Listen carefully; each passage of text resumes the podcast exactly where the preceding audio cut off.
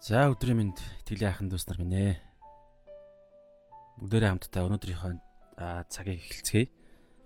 Өнөөдрийн эзний үгнээ сонсдог, судалдаг цагаа эзнээ сонсдог, зүрх сэтгэлээ эзэн рүү чиглүүлдэг, оюун бодлоо шинжлэх тэр бор хоолны төлөөх энэ хөө чимээгүй цагийн судаллаа эхэлцгээе. За тэгээ өнөөдөр болохоор анзарж байгаа бол яриа эрт эхэлж байгаа. Тэгэхээр хувийн ажил гарсан учраас жоохон эрт эхэлж байна. Тэгэхээр Та бүгд маань ойлгоорой.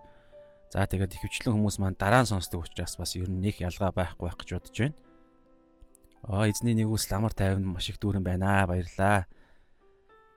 За тэгээд өнөөдөр бүгдээр хамтдаа өнөөдрийнхээ цагийг эхлэе те.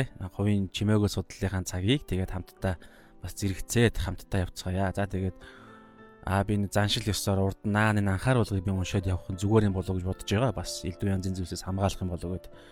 Тэгээд энэ хүү цаг маань ерөнхийдөө зүгээр нэг энгийн хувь хүний итгэгч хувь хүний хувийн биемэл судлалын цаг байгаа. Гэхдээ бүх бүх итгэгч хүмүүсийн дотор ариун сүнс байдаг учраас бид нар бас сүнсээрээ бие биендээ бас хэрэгтэй ойлгож ухаарсан зүйлээ хуваалцах юм болов уу, итгэлээс хуваалцах юм болов уу гэдэг үднээс энэ лайв хийгээ явж байгаа. Давхар бас надад маш хэрэгтэй байгаа учраас тэгээд зорилго маань бол энд байгаа. Та бүгд маань наана харж байгаарэ. Тэгээд оройдоо эсвэл амжихгүй бол маргааш та өмнө нь би подкаст аудио хэлбэрийг ингээд тавиад яваад байгаа. Тийм учраас дараагаар нь автобусанд явахдаа ажиллаа хийж байхдаа ч юм уу сонсоод явах боломжтой. За тэгээд би аль болох тайван тогтун ярих гэж байна. За тэгээд тийм учраас авахгүйгийн ухаанаар хандаасай гэж хүсэж байна. За бүгдээр хамтдаа өнөөдрийнхөө хэсгийг уншийе. За эхлээд залбираа тэгээ эхэлцгээе. За өнөөдрийн хэсэг маань Матай 5-ын 31-ээс 32 гэсэн гэр бүл салах гэр бүлийн талаар ишлэл байна. Хоёр ишлэл бүхий сэд байна. Хамт залбирыг бүгдээрээ. Эзэн бурхан минь энэ цагийн төлөө бид талархаж байна эзэн. Бид сүнс маань бас өлсөж ядарч сүнс маань эзэн минь ээ таны өмнөөр орсоор байгаад бидний сүнс эзэн минь ээ үргэлж ядарсан, тулдсан, туйлдсан, сүлдсэн байдалтай байж байгаа үлээ. Энэ нь эзэн минь таны хүсэлд нийцдэггүй учраас та өдөр болгон биднийг хоололж өдөр болгон биднийг сүнсээрээ амар амар гэж над дээр би та нарт амралтыг өгье гэж та хэлдэг үлээ эзэн минь тиймээс яг энэ цаг мөчид бүх санаа зовнилуудаа бүгдийг нь эзэн минь э, танд аваачиж танд өгөхийн тулд талархалтайгаар залбирал гуйлтаараа эзэн таны амар тайван дотор ирж байна. Тэгээ та өнөөдрийн энэ хоёр ишлэлээр дамжуулан гэр бүлийн талаар эзэн минь та бидэнд өөрийнхөө зориг өөрийнхөө хүслийг та бидэнд ойлгуулад чимээ Есүсийн нэрээр залбирч байна. Амен. За бүгдээр хамтдаа энэ хэсгээ уншихаас өмнө ерөнхий нэг товчхон өмнөх зүйлийг нь холбогд хүүднээс нэг том хараан дор явах хүүднээс бүгдээр иргэн санацгаая. За тэгээд баян хэлж байгаачлан Матай 5-аас 7 дугаар бүлэг бол Есүс Христийн хамгийн анхны сургаал сургаалууд байгаа. Нэг дор уулан дээр сууж ягаад нэг суурин дээрээ заасан уулан дээрх сургаал гэсэн хамгийн алдартай те чухал сургаалууд байгаа. Матай 5, 6, 7 гэсэн гурван бүлэг дээр тэр тусмаа Матай 5 дугаар бүлэг дээр а итгэлийн амьдралын суурь ойлголтуудыг ерөнхийдөө яриа явж байгаа. Тэгээд хамгийн эхлээд те Матай 3 дугаар ишлэлээр байгаа. Энийг бол яг миний хувьдаа инхтэй би хувьдаа бол маш чухал ишил гэж харж байгаа. Сүнсэндээ ядуу буюу үргэлж бид бид сүнсээрээ дангаараа бид Бурхны хаанчлалын хуулийг, Бурхны хуулийг хуучин гэрээний хуулийг тэр тусмаа шин гэрээний Есүс Христийн ариун сүнсний тэр зөвхт байдлын өндөр босхийг хүн сүнсээрээ дангаараа хуг хүний өөрийнхөө сүнсээрээ биелүүлэх ямар ч боломжгүй маа гэдгийг ойлгоод эзэн минь би үнэхээр ядуу юм байна. Үнэхээр би надад юу ч байхгүй юм байна. Ямар ч чадвар байхгүй юм байна. Таньгүйгээр таны ариун сүнсгүйгээр би ганц ч хуулийг биелүүлэх чадвар надад үнэхээр байхгүй маань гэдгээ хүлээн зөвшөөрөх тэр үед бид нар Тэнгэрийн аанчлалын тэр босхыг гайхалтайгаар ороод эзнээс ивэл ирүүл буюу тэр тослогоо ариун сүнсний тослогоо галан тослогоог бид хүлээн авдаг. Тэгснээрээ тэр төлөв байдал шилжсэн хүмүүсүүд зориулагдсан аа сайн зүвт байдлуудыг Есүс Христ заагаад явж байгаа шүү. Тэгээ Маттай 5-ын 20 дээр хэлсэнчлэн Есүс та нар яг саяны хэлсэн ийм төлөв байдал шилжсэн ядуу дангаараа ямар чадваргүй гэдгийг ойлгоод ариун сүнсийг хүлээн аваа тэр ариун сүнсээрээ амьсгалж ариун сүнс дотроо алхаж байгаа алхсан ариун сүнснээс байнгын хамааралтай тэр хүний зөвхт байдал нь фарисеучуудын зөвхт байдал, хуулийн багш нарын зөвхт байдал өнөө цагт бид нар энэ дэлхий дээр байгаа бусад үл итгэгч бурхангүй мөртлөө зөвхт хүмүүс зөндөө байгаа. Зөвхт байдал нь илрээ явж байгаа. Ядуус тусалж байгаа те ханд үргэж байгаа, бусдын төлөө амьдарж байгаа эмч эмч нар гээл зөндөө олон хүмүүс байна. Мундаг баячууд ч гэсэн байгаа. Тэгэхээр тэдгэр хүмүүсүүдийн зөвхт байдлаас саяны ярьсан тэр зөвхт байдал сүнсэндээ ядуу гэдгийг ойлгосон ариун сүнсний хамааралтай байнга амьдрах амьдрахаас өөрөө аргагүй байна би ядуу байна сул дорой байна гэдгийг ойлгосон хүний зөвхт байдал тэдгээр саяны хүмүүсүүдээс илүү байх ёстой гэдэг тийм чадвар тийм бололцоо аль хэзээ би болцсон гэж а мата дээр ихний хэсэгт хэлж байгаа. Тэгээд энэ нь яаж юм бэ гэхээр Есүс Христ энэ бүх хуулийг бүх хин зөвхт байдлыг хамгийн төгсөөр биелүүлсэн учраас Есүс Христэд бид нар итгэснээрээ түүний үгийг нь бид нар итгэж дотроо оруулснараа үг нь махбод болон бидний дунд оршилсан буюу үг болсон Есүс Христийг бид нар авснараа бид нар Есүстэй нэг болж байгаа. Тэгээд түүний ариун сүнс бас бидний дотор нутгал нутагшиж байгаа учраас бид нар нэг болсон гэсэн санаа. Тэгэхээр Есүс Христийн дотор л түүний сүнсээр л бид нар энэ зөвхт байдлуудыг хийх боломжтой юм шүү.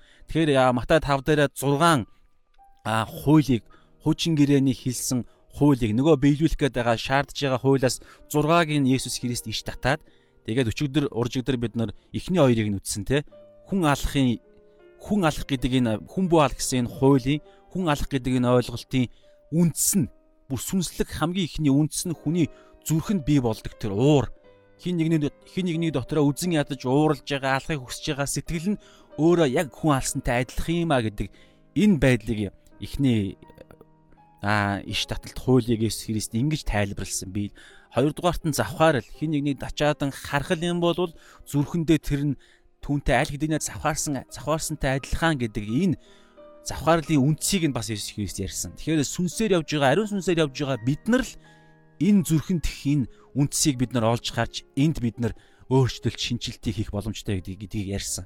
Өнөөдөр 3 дахьыг ярих гэж байна. 6-гийн 3 дахьыг нь. За бүгдээр хамтдаа уншийе. Матай 6 5 дугаар бүлгийн 31-ээс 32 дугаар ишлэлдэр гэр бүл салах гэр бүлийн талаарх ойлголтыг энэ хууль дээр Есүс Христ ариун сүнсээр явж байгаа тэр нэгэн Есүс Христийн дотор нэгүсэл дотор явж байгаа нэгэн ариун сүнсний хүчээр хуулиар ямар төвшөнд өнөөдөр энэ хуулийг хэрэгжүүлэх юм бэ гэдгийг ярилцъя бүгдээр. За уншъя.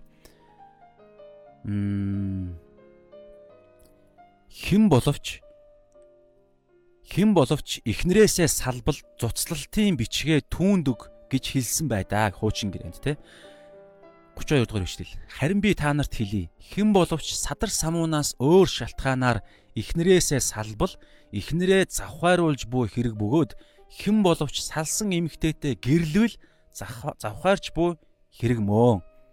За Есүс Христ амен. Энэ хоёр ишлэлээр дамжуулаад гэр бүл саллтын талаар, гэр бүлийн талаар, гэрлэлтийн талаар өнөөдөр Есүс Христийн Тэгэхээр ариун сүнсээр явж байгаа зөвхт байдал дотор Есүс Христийн нэгүслэр зөвтгөгдсөн тэр хүмүүсүүдийн хувьд тэр Тэнгэрийн хаанчлалын өнөөдөр энэ дэлхий дээр байгаа Тэнгэрийн хаанчлалын нэгүслэр бий болсон Тэнгэрийн хаанчлалын хүмүүсүүдийн хувьд гэрлэлт гэдэг ойлголтыг. Тэгээ гэр бүл салалт нь ямар байдалтай харилцсан гэр бүл салалтын талаар ярилцах юм. Бурхан юу хүсэж байгаа? Ямар Тэнгэрийн аанчлалын хууль нь юу гэж хэлж байгааг Есүс Христ одоо танилцуулж тайлбарлаж байна. Дагалдагч нартаа. За тэгэхээр 31-р ишлэгийг бүгдээрээ анзаарах юм бол дахиад нөгөө нэг юу вэ шүү дээ а гэж хэлсэн байдааг буюу те хуучин гэрээн дээр хуучин гэрээнд гэж ойлгож болно те хуучин гэрээн дээр энэ үгийг хэлсэн байдаг. Мосегийн хуулинд юу гэж хэлсэн бэ? Бүгдээрээ дид хууль хуучин гэрээнд Мосегийн эхний 5 хууль те таван номон дээр байгаа дид хууль номон дээр Мосегоор дамжуулан бурханд Израильчуудад юу гэж хэлсэн гэдгийг бүгдээрээ уншийе. Дид хууль 24-ийн 1-ээс 4. За. За энийг бүгдээрээ сайн ойлгоорой. Энэ дээр өнөөдөр жоох ярилцсан. За. Дид дид хууль 24-р бүлэг 1-ээс 4-р ишлэл. Гэрлэлт ба салалтын хууль. Хуучин гэрээний тий манай эртний өмнөх 1400 орчим оны үед өгөгдсөн хууль шүү. За. Хэрв хүн ихнэр авч гэрэлснийхаа дараа түүнд ичгүүрт зүйл байгааг олж мэдээд түүнийг таалхаа болох аваас тэрээр тэрээр цуцталтын бичиг бичиж гарт нь өгөөд түүнийг гэрээсээ явуул тэр эмэгтэй түүний гэрээс яваад өөр хүний ихнэр болж хоёр дахь нөхөр нь бас түүнд дургуйцэж цуцталтын бичиг бичиж гарт нь өгөөд гэрээсээ явуулах юм уу эсвэл түүнийг ихнэрээ болгон авсан хоёр дахь нөхөр нь үхвэл тэр эмэгтэй бузардсан учраас түүнийг явуулсан анхны нөхөр нь дахин ихнэрээ болгон авч болохгүй. Ингэх нь эзний өмнө жигшүүрт зүйл болно. Эзэн бурхан чинь чамд өв болон өгч буй газар нутагт чи нүгэл буй авчираа гэдэг. За нэг ийм ойлголтыг ярьсан.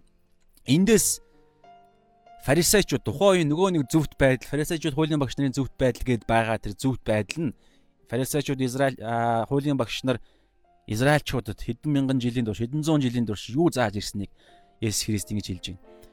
За, хэн боловч эхнэрээсээ салвал цуцлалтын салалтын бичиг түүнд өг гэж хэлсэн. А хин фарисеучуд ерөнхийдөө яг л ийм зүйл зааж ирсэн хуулийн багш нар. Ингээ ингэхэд л болно гэдэг нэг ийм ойлголт зааж байгаа. За энийг бүгдээр харъя л да. Дид хууль 24-ийн 1-ээс 4 дээр байгаа энэ ойлголтоос нэг ийм ойлголт байгаа юм. Ичгүүрт одоо энэ дээр болохоор монгол хэлэн дээр ичгүүрт зүйл байгааг олж мэдээд гэж байгааз. За англи хэлэн дээр бол ерөнхийдөө uncleanness те бузар муу бузар зүйл, бохир зүйл энэ дээр байна те. Аа хаана вэ? Whoever divorces wives in certificate of divorce patent 31 32 дээр. Аа, дид хууль шүү дээ. Дид хуулийг би гаргаагүй байгаа юм. За, дид хууль дээр uncleanness гэсэн ойлголт байгаа. Аа, бохир бузар зүйл. Тэгээд энэ ичхүүрт энэ ичхүүрт байгаа энэ одоо тэр хүнийг юм бохир тэ бохир бузар муу ёс бус ийм зүйлийг үйлцнийг нөхөр нь бүгдээ дид хуулийг гараа. Энийг бүгдээ маш сайн ойлгох хэрэгтэй хэрүү хуулиндаа бол ингэж хэлсэн байгаа юм. Хэрүү хүн ихнэр аваа. За би нэг хүн ихнэртэй боллоо. Тэгээд дараа нь би нөгөө ихнэрээсээ тэр нэг юм ёс бус нэг тийм бузар намайг ичхүрт оруулах зүйлийг би олж мэдж байгаа нэгдүгээрт. За би олж мэдлээ. Ичхүрт зүйл байгааг олж мэдээ таслал байгааз. За би олж мэдсэн нэг тийм үе байна. Тэгээд дараагаар нь түүнийг тэр ичхүрт зүйлээс тэр бузар муу зүйлээс олж мэдснээсээ болоод би түүнийг таалха болвол болох аваас дахиад нөхцөл болох аваас одоо яах вэ гэхээр тэрээр цуцлалтын бичгийг өгөөд ихнэрээ би явуулна гэсэн санаа. Яг хоо хоёр хүний гэрчтэйгэр гэсэн санаа бас байд юм билээ. За нэг ийм байдалтай. Тэгээд энэ хүү ардаа энэ ишлэлийг энийг фарисеучуд хуулийн багш нар тайлахта, тайлбарлахта энэ Мосегийн хуулинд байгаа энийг тайлбарлахта, гэрлэлт, салалтын энэ хуулийг тайлбарлахта хоёр байдлаар тайлбарладаг байсан юм байна л да. Хоёр тийм За сургууль гэдэг юм уу хоёр тийм чиглэл араби нар те тэр багш нар хуулийн багш нар тухайн үедээ Мосег өгсөн хуулийг амьдрал дээр хэрэгжүүлж цааш нь заахта хоёр аргаар тайлбарладаг байсан юм байна. Тэгээд ерөнхийдөө нэгдүгээрт нь яг тийм тодорхой нарийн тэгээд яг тийм нарийн ерөөсөө яг ийм хатуу байдлаар тэгээд халиал гэдэг тийм багш байсан юм байна л да раби багш. Тэгэхээр энэ болохоор халиал гэдэг тэр багшийн одоо энэ ичгүүрт энэ бузар муу ичгүүртэй гэдэг энэ ичхүүрт зүйл олох юм болов гэдэг энэ бузар муу ичхүүрт зүйл гэдгийг тайлбарлаж байгаа шүү. Яг энийг тайлбарлахдаа юу гэж тайлбарладаг байсан бэхээр зөвхөн оюун ёс суртахууны тийм бэлгийн ёс суртахууны тийм садрал гэсэн ийм ганцхан тохиолдлоор л Мосе хэлсэн. Мосегаар дамжуулж бурхан хэлсэн гэж энэ халиал гэдэг раби тайлбарладаг байсан юм байна тухайн үед тайлдаг. За үүний зэрэгцээ хоёр дахь сургууль буюу хоёр дахь тэр арга барил нь юу гэж тайлбарладаг байсан бэ гэхээр маш тийм чөлөөтэй, өргөн те маш тийм одоо юу гэдэг юм маш тийм одоо өөрсд олон шалтгаанууд байж болохоор тийм чөлөөт байдлаар. Тэгээд тэд нарын тэдгээр сургууль тэдгээр раби нарын тайлбардаг тайлбарл нь болохоор яадаг вэ гэхээр за би их нэртэй болсон. Тэгээд би ихнэр ихнэр маа надад таалагдхаа болоод би өөр нэг эмхтэй таалагдаад таалагдах юм болвол за нэг жишээ нь өөр ямар жишээ гэхээр ихнэр маань маш тийм залхуу эсвэл хоолоо хийж явахдаа хоолоо түлж мүлээл те? Гэр орноо цэвэрлэгүү ч юм уу? Тиймэрхүү зүйл нь бас бас тэр тэрэнд нь бас таалахаа болох юм бол эсвэл тийм хэрүүлч те? Аймаар хэрүүлч. Тэгэл ээж аав аавынхаа эсрэг хэрэлдэг ч юм уу? Нөхрийнхөө эсрэг хэрэлдэг ч юм уу? Тиймэрхүү жишээ нь. Гих мэдчлэн ерөөсө хязгааргүй? Нөхөрт нь таалагдахгүй ямар нэг юм гарч ирвэл энэ ичгүүрт зүйл гэдэг Мосегийн хуулийг ингэж тайлж өөрсөддөө тааруулан одоо энэ дээр хараа би ütсэн өөрсөддөө зөвшөөрөл олгодог. Зөвшөөрөл ингэж ингэж тайлснараа энэ тайллаараа бурхан өөрсдийг нь салахыг нь зөвшөөрж гинэ гэж энэ ичхүүрт зүйл байгааг олж мэдвэл гэдэг дээр ингэж өөрсдөө тайлал хийдэг раби нар хуулийн багш нар фарисеучуд байдаг байсан юм байна. Эндээс энэ хоёр сонголтоос хүн өөрөө хүний зүрх сэтгэл угаасаа тийм хатуу бузар муу учраас хоёр дахь энийг нь хоёр дахь энэ төрлийн тайллыг нь илүү хүмүүс таалагддаг учраас энүүгээр нь их явдаг явж эхэлсэн юм байна. Тэгээд Есүсийн үед ерөнхийдөө яг энэ энэ давмгаа алдсан байсан юм байна л та. Тэгэхээр яг ийм үед тэгээд энэ арда салтын ерөөсө ганц л аа салтын бичиг өгөөл салжих юм бол баг тэгэл хуулийн дагуу салж болж байгаа гэсэн иймэрхүү санаатай гэрлэлтийн салалт гэдэг ойлголт ингэж назгаарсан. Одоо яг өнөөгийн нийгэмтэй баг адилхан байгаа сте. Хоорондоо эхнэр нөхөр хоёр хоорондоо ойлголцгоо болол ямар нэгэн маргаан үүсдэг ч юм уу те. Тэгэл хоорондоо тохирлоо салъя гэх юм бол салж болно. Хууль юу ч хийхгүй. Зүгээр л салалтын одоо салсан гэсэн бичиг өгөөл тэгэл салаал явдаг. Тэгэл анхны тэр гэрлэлтийн хуулиасаа тангаргаасаа ингээл салж болдог а буцаж болдог нэг одоогийн нэгэнд яг юм байгаа. Тэгэхээр яг тухайн үед бас юдэчүүд нөгөө нэг хүчирхэг юдэ ёс заншил уламжлалтай гэр бүлдчин хүртэл ийм салалт гэдэг энэ ойлголт ийм аймаар назгаарцсан байсан юм байна. Харин энэ үед Есүс юу гэж хэлж байна? Харин би та нарт хэлье. Хэн боловч садар самуунаас өөр шалтгаанаар ихнэрээсээ салвал за хэн боловч садар самуу за fornication тэ а бэлгийн оюун санааны ёс суртахууны хувьд бэлгийн тэр завхаарл садарлал завхаарл завхаарлаар л зөвхөн аа салж болно гэсэн санаа. За би уншаадах. Харин би танарт хэлье. Хэн боловч садар самуунаас өөр шалтгаанаар эхнэрээсээ салвал эхнэрээ завхааруулж буй хэрэг бөгөөд хэн боловч салсан юм нөгөө нэг салсан эмэгтэйтэй гэрлэвэл тухайн эрэгтэй хүн ч гэсэн завхаарж байгаа хэрэг болно гэж Есүс хэлж байна. За энд ямар өөрчлөлт орчих вэ? Бүгдээр харъя. Эхнийх нь болохоор яг садарлал гэж юусоо хууль дид хууль дээр байгаагүй те зүгээр л ичхүүрт үйл гэдэг. Тэгэхээр эндээс тэд нар өөрсдөө тайлахтаа зүгээр л залхуурсан а таалагдахгүй эсвэл өөр нэг эмхтэй сайн болдог ч юм уу те? Яг л одоогийн нийгэм шиг. Эсвэл амар хэрүүлч мэрүүлч. Таалагдахгүй юм гарвал тэрийг ичхүүрт зүйл гэж ойлгоод тэгээд тэд нар салдаг. Салтын бичгээ өгөөд тэгэл салж болдог. Хууль ингэж хэлдэг ингэж зөвшөөрсөн гэж тэд нар тайлбарлалт ингэж явж их үед Есүс юу гэж хэлж байна тэгэхээр А тухайн үед тэр халиал гэдэг раби бол ерөнхийдөө яг бурхны дагуу хуулийн дагуу зөв тайл хийсэн байгааз. Гэхдээ хүн өөрөө энэ таалагдсан учраас хоёр дахь энэ тайллаар нь явсан гэсэн үг. Тэгэхээр та бас бодоорой. Нэг тийм анхаарал нь тэмдэг тэмдэг бий болгоорой. Альва Библийн ишлэл, альва итгэлийн амьдралын талаарх олон пасторууд, олон номлогч нар нэг сэдвэр өөр өөр юм ярих магадaltaй шүү. Энэ зүгээр хүний эхнээсээ л хуулийн хууль өгөгдснөөс тэр цагаас эхлээд хуучин гэрээний үед ч гэсэн байсан. Бурхны ард түмэнд ч байсан. Тэгэхээр өнөөдөр бидний дунд ч гэсэн ийм ойлголт байгаа. Тэгэхээр та энд буруу сонголтыг хийснээрээ Израильчуудын фарисеучуудын бий болгосон энэ тухайн үеийн Израиль нийгэм ийм аимшигтай болцсон байсан байгааз. Гэхдээ Есүс Христ ирээд юу гэж ярьж байна? За харъя. Ганцхан шалтгаан байгаа гэж хэлж байна. Садар самуунаас Тэгтээ одоо харж байгаарай. Ганц шалтгаан байгаа боловч тэр ганц шалтгааныг хүртэл одоо ярина шүү. Та бити яг дүгнэлт хийгээд хэрв та одоо шууд үзэж байгаа зогсож байгаа бол энэ эцсийн юу биш шүү. Есүс Христийн салах талаарх эцсийн дүгнэлт биш шүү. Гэхдээ хуулиндаа ингэж хэлсэн. Хуучин гэрээний Мосегээ бол ийм зүйл хэлсэн байна. Садар самуун гэдэг ганцхан одоо энэ дээр хараа хуучин гэрээндээ энэ ичхүүрт зүйл гэдэг дээр уг нь бол ичхүүрт зүйл анклинис клинис гэдэг чинь энэ бузар муу бохор гэдэг чинь яг гэрлэлт гэдэг ойлголтын дотроо эр эхнэр нөхрийн ойлголтын дотроо бохор бузар муу гэдэг чинь уг нь бол яг халиал гэдэг тэр рабигийн тайлбарласнаар бол яг л завхаар л байхгүй яг л завхаар л садарлал ингэж тайлсан. Гэхдээ фарисеучуд ингэж айхтар өөрчлөлтсөн байна. Яг энэ дээр гол нь садарлал гэж бичээгүй учраас л тэрийг тийм өөрчлөлт хийж л байна л да. За ямар ч байсан гэсэн хууль нь бол яг цэврээрээ Есүсийн тайлснараа зөв тайлснараа Мосегийн хуулинд бол салж болох тийм юм хэлжээ. Салж болно гэсэн байна. Гэхдээ ганцхан тохиолдлоор тэр нь садар самуунаар ёс суртахууны хувьд бэлгийн ёс бус харилцаа харилцаагаар садралсан тохиолдолд эхнэрийн садралсан тохиолдолд эхнэрээсээ салж болно. Гэхдээ салалтын бичиг өгөөд салж болно гэсэн санаа. Хэрв өөр шалтгаанаар байх юм бол нөгөө нэг түрүүн юу гэж ярьлаа. Би өөр эмгхтэйтэй эмэгтэй надад таалагдаж эхлэх юм бол салж болохгүй гэж Мосег өвөл нэлсэн байгааз эсвэл ихнэр нь залхуураад ирэх юм бол салж болохгүй аа гэж Мосег өвөл хэлжээ. Эсвэл ихнэр нь хэрэлдээд бүр их нөхрөө мөхрөө зодд юм уу яа тэ ингээл ээж аавтайгаа хэрэлдээл бөө юм болсон ч гэсэн Мосегийн хуулинд салж болно гэж хэлээг байна. Ганцхан тохиолдол садар самуунаар л садар самуун завхаарлын тохиолдолд ёс суртахуун бэлгийн ёс ёс суртахууны үед бэлгийн амьдрал дээр бузар муу хийсэн тохиолдол гэсэн хууль хэлжээ.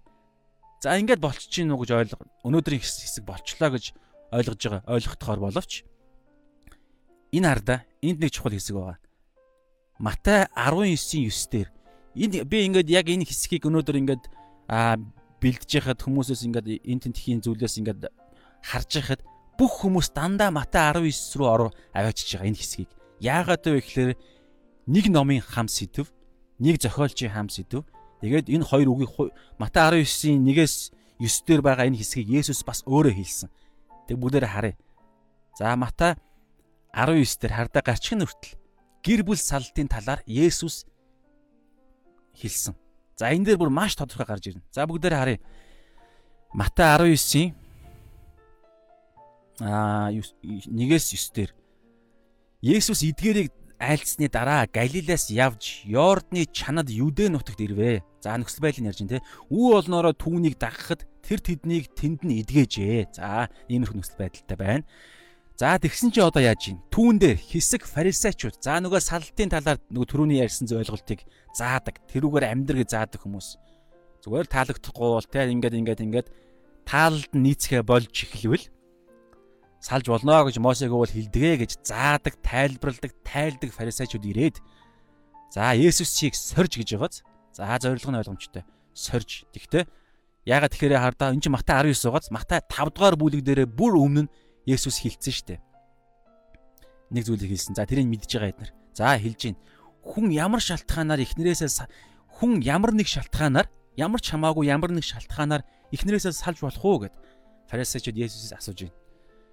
Тэгсэн чи Есүс хариуд нь хэлж байна. Бүтээгч за одоо сайн ойлгоорой бүгдээрээ. Бүтээгч бурхан. Бүтээгч анханасаа тэднийг эр эмээр нь бүтээснийг та нар уншаагүй юу? Хуулийн номны чинь хамгийн ихний эхлэл номын 1-ийн 2 дугаар бүлгийн 22 дээр байгаа. 24 дээр. Эхлэл номын хуулийн 5 номны хамгийн ихний номны 2 дугаар бүлгийн 24 дээр ийм учраас эр хүн эцэг ихээ орхиод их нэртэйгээ нийлж хуйвал нэг мах бод болдог. Найзууд холбоотон гэхээгүй нэг мах бод байгаа сте. Миний нэг эргэтэн мах бод салах юм уу яах юм? Үхэн штэ. Салах боломжгүй.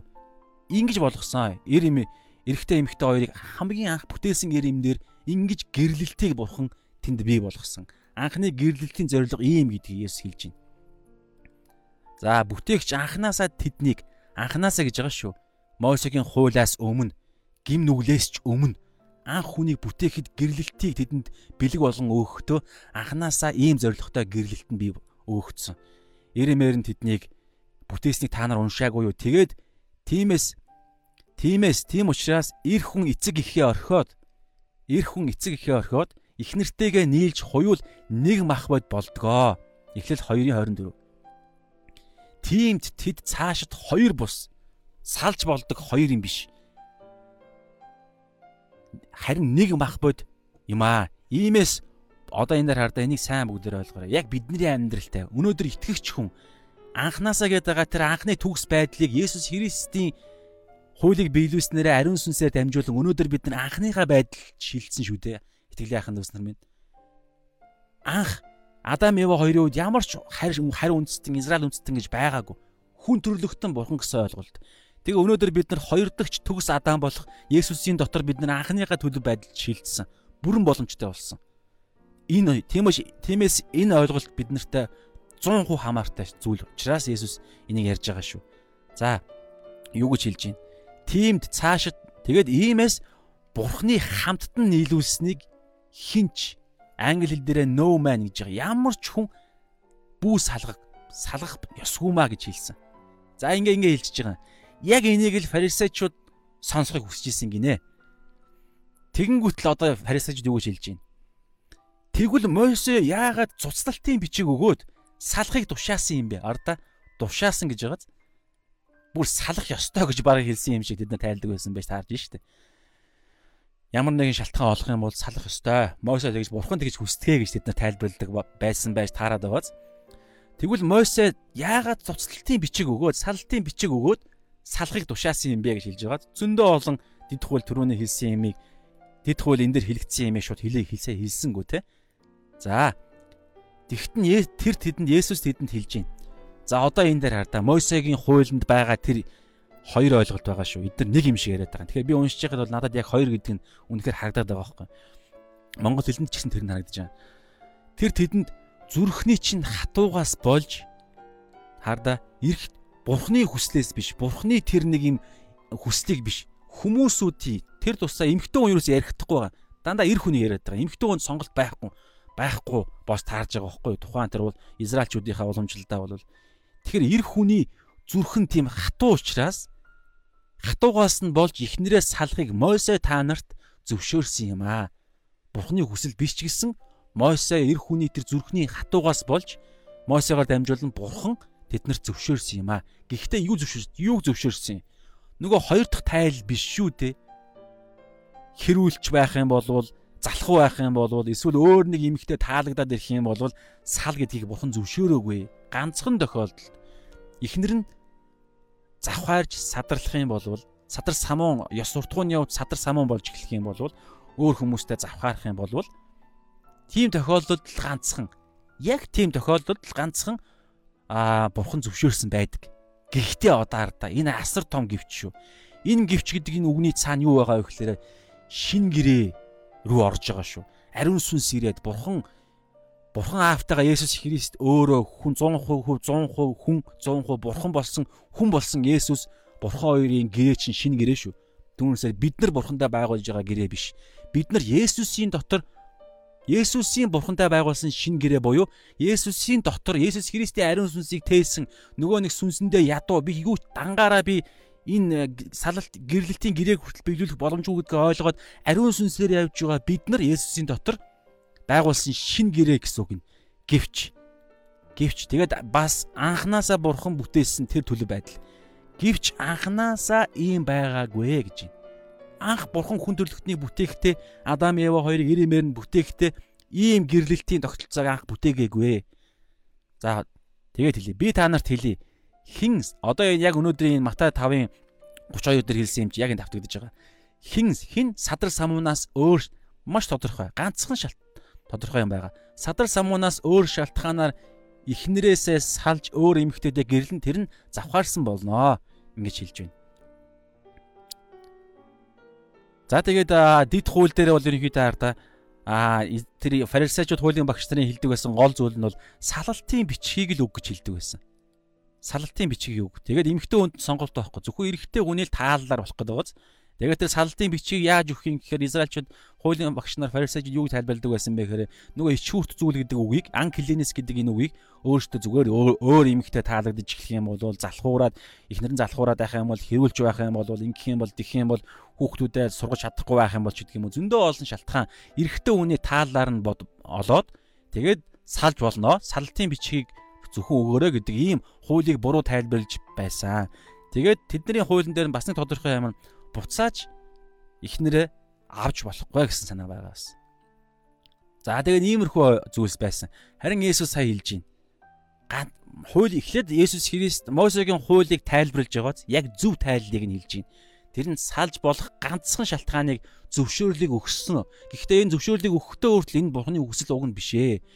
Одоо Матай 19-ийн 1-ээс 9 дээр фарисеучудад хандаж Есүс Христ хуулийг нь тайлбарлаад хүлээн зөвшөөрөөд нэгдүгээрт хоёрдугаарт зөвөөр тайлбарлаад гуравдугаарт Мойсегийн хуулиас бүр өмнөх буюу анхны бүтээлийн тэр бурхны зүрхний хүслийг нь одоо тайлбарлаж байгаа. Энэ гурван шатлсан энэ зүйлээс Христ хийж штэ.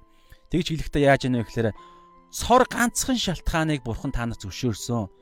Гэхдээ та нарын зүрх чинь хатуу учраас л та нарт энэ зөвшөөрлийг бурхан өгсөн.